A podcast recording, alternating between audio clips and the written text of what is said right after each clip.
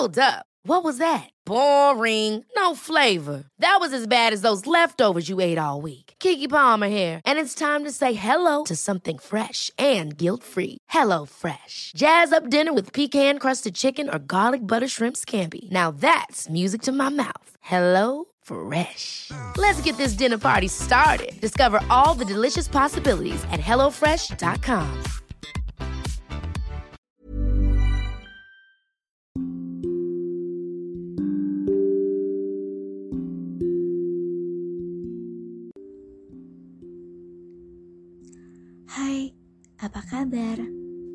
Sebelumnya aku ingin mengucapkan selamat ya kamu dan aku telah bertahan dan berhasil melalui 2022 dengan baik.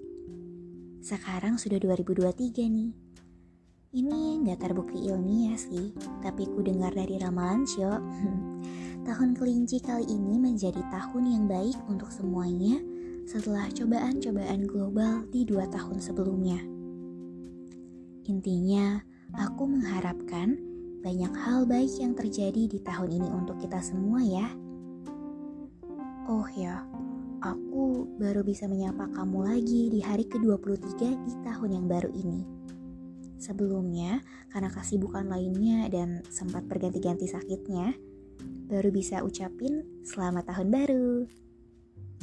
Walau bukan hari pertama, tapi nggak apa-apa ya. Tanggal 23 di tahun 2023 itu perpaduan angka yang pas kan? ya alasan aja sih, tapi untuk menebusnya, ku beri 4 episode sekaligus. Semoga absensi uploadku sebelumnya dimaafkan ya. Oh iya, tiap tahun aku selalu menuliskan bucket list for the existing year. Ada banyak mimpi yang kumasukkan di dalamnya. Kamu juga coba buat deh. Seru loh.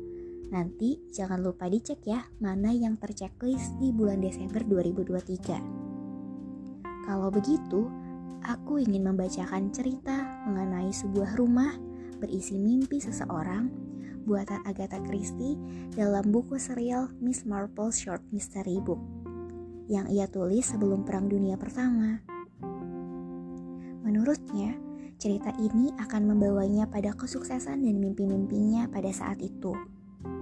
Judulnya The House of Dreams atau Rumah Mimpi. Selamat mendengarkan dongeng tidur. Semoga lekas tidur dan bermimpi indah.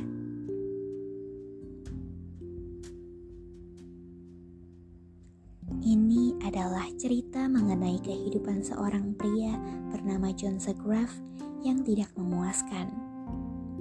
Hidupnya yang tidak memuaskan, kisah cinta yang tidak memuaskan, impiannya yang tidak memuaskan, hingga kematiannya yang tidak memuaskan. Jika dalam dua yang terakhir dia menemukan apa yang disangkal dalam dua yang pertama, maka mungkin saja hidupnya dapat dianggap sukses.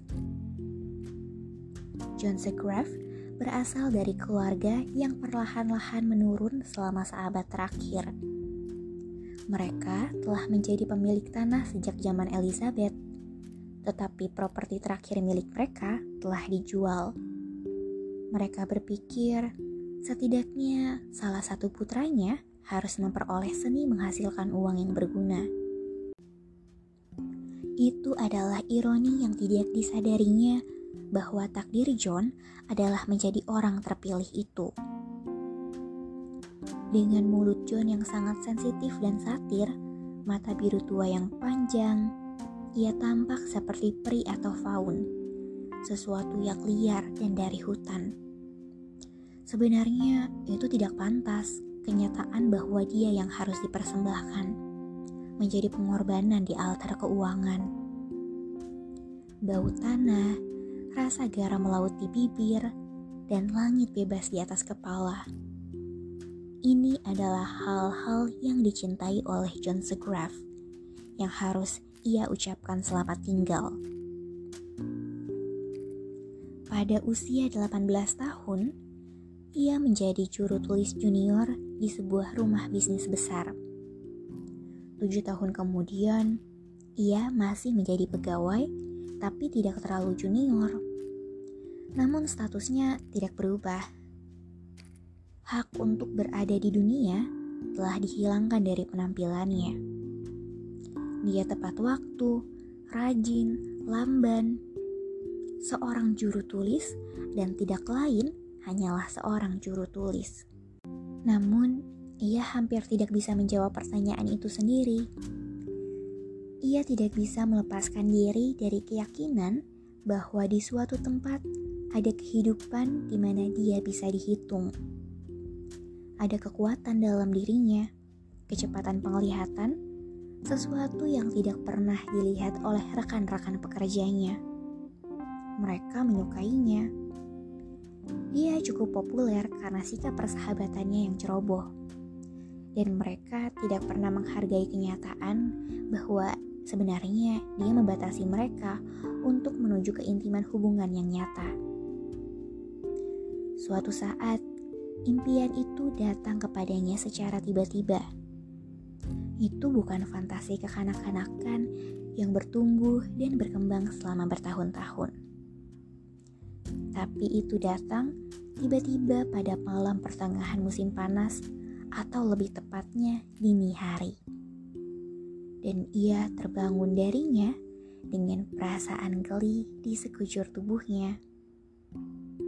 Ia berusaha untuk memegangnya saat impian itu hendak melarikan diri.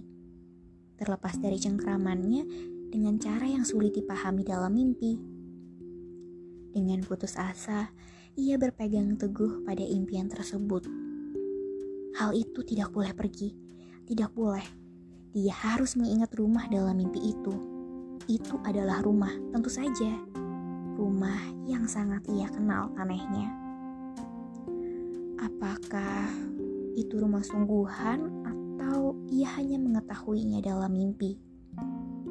Ia tidak ingat, tapi ia yakin ia mengenalinya dengan sangat baik.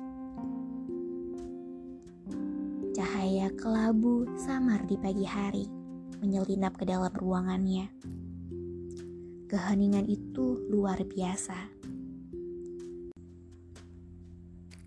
Pada pagi hari pukul 4 lewat 30 menit di London, sang London yang lelah menemukan kedamaian singkatnya. Sementara John Segrave terbaring diam diselimuti kegembiraan, keajaiban dan keindahan dari mimpinya. Betapa cerdiknya ia untuk mengingat hal itu dengan baik. Sebuah mimpi melintas begitu cepat sebagai aturan, berlari melewatimu seperti halnya dengan kesadaran yang terjaga. Jari-jarimu yang kikuk berusaha untuk berhenti dan menahannya tapi ia tetap saja terlalu cepat untuk memegang mimpi ini. John telah berhasil merebutnya selagi nyaris tergelincir dengan cepat. Itu benar-benar mimpi yang paling luar biasa.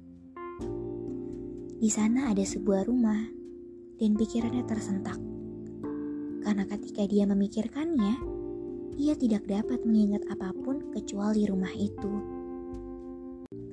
Dan tiba-tiba, dengan semburat kekecewaan, ia menyadari bahwa rumah itu cukup aneh baginya. Dia bahkan tidak pernah memilikikannya sebelumnya. Itu adalah sebuah rumah putih, berdiri di atas tanah yang tinggi. Ada pohon-pohon mengerubungi di dekatnya.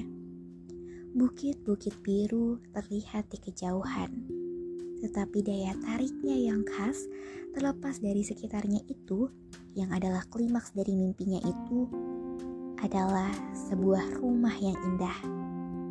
Anehnya itu tampak indah. Denyut nadinya bertambah cepat saat dia mengingat kembali keindahan aneh rumah itu. Bagian luarnya saja, karena ia tidak berada di dalamnya. Mungkin lagi pula mimpi sebenarnya tidak begitu indah. Atau ada bagian penjelasan yang indah itu melewatinya dan menertawakan tangannya yang tidak bisa mencengkram dengan baik. Kemudian ia menertawakan absurditas imajinasinya dan ingat bahwa dia harus makan malam dengan Tuan Waterman malam itu. Macy Waterman adalah putri tunggal Rudolf Waterman, atasan John. Sepanjang hidupnya, Macy terbiasa mendapatkan apa yang diinginkannya. Suatu hari, saat berkunjung ke kantor ayahnya, ia memperhatikan John Segrave. John membawa beberapa surat yang dimintai ayahnya, dan ketika John pergi lagi, Maisy bertanya-tanya kepada ayahnya tentang pria itu. Ya, Waterman adalah keluarga yang komunikatif. Ia adalah putri Sir Edward Segrave. Memiliki silsilah keluarga tua yang baik, namun saat ini sedang berada pada diambang. Aku lumayan menyukainya sih, tapi tidak ada apa-apa di dalam dirinya. Tidak ada kehebatan apa pun. Ucap ayah Maisi. Namun nampaknya pendapat Maisi mengenai seseorang, mengenai kehebatan seseorang, berbeda dengan ayahnya. Dua minggu kemudian, Maisi membujuk ayahnya untuk mengajak John Segrave makan malam bersama. Itu adalah makan malam yang intim antara Maisi, ayah Maisi, John Segrave, dan seorang teman perempuan yang tinggal bersama Maisi. Teman Maisi membuat komentar mengenai pertemuan makan malam yang disengaja ini. Ia berkata, Dengan persetujuan kurasa Maisi, nanti ayahmu akan menyiapkannya dalam bingkisan kecil yang bagus dan membawanya pulang dari kota sebagai hadiah untuk putri kecilnya yang tersayang. Dibeli dan dibayar sebagaimana mestinya. Ucap teman Maisi. Allegra, kamu hampir melewati batas. Balas Maisi. Temannya yang bernama Allegra Kerr itu tertawa. Kamu memang menyukai kemewahan kan, Maisi? Kalau aku suka topi itu, aku harus memilikinya. Kalau topi saja bisa, kenapa tidak sekalian suami? Jangan konyol, aku bahkan tidak pernah bicara langsung dengannya, ucap Maisi. Tidak pernah, tapi kamu sudah mengambil keputusannya. Lalu, apa daya tarik pria itu, Maisi? Ucap Allegra. Entahlah, dia berbeda. Jawab Maisi perlahan. Berbeda? Hm, tanya Allegra. Ya, aku tidak dapat menjelaskannya. Kau bisa bilang ia tampan dalam suatu sudut pandang, tapi bukan soal itu. Ia tidak, ia entah kenapa tidak menganggap kehadiranmu di sana. Ia punya cara untuk itu. Benar-benar Aku tidak percaya dia tidak melirikku di kantor ayah satu. Ucap.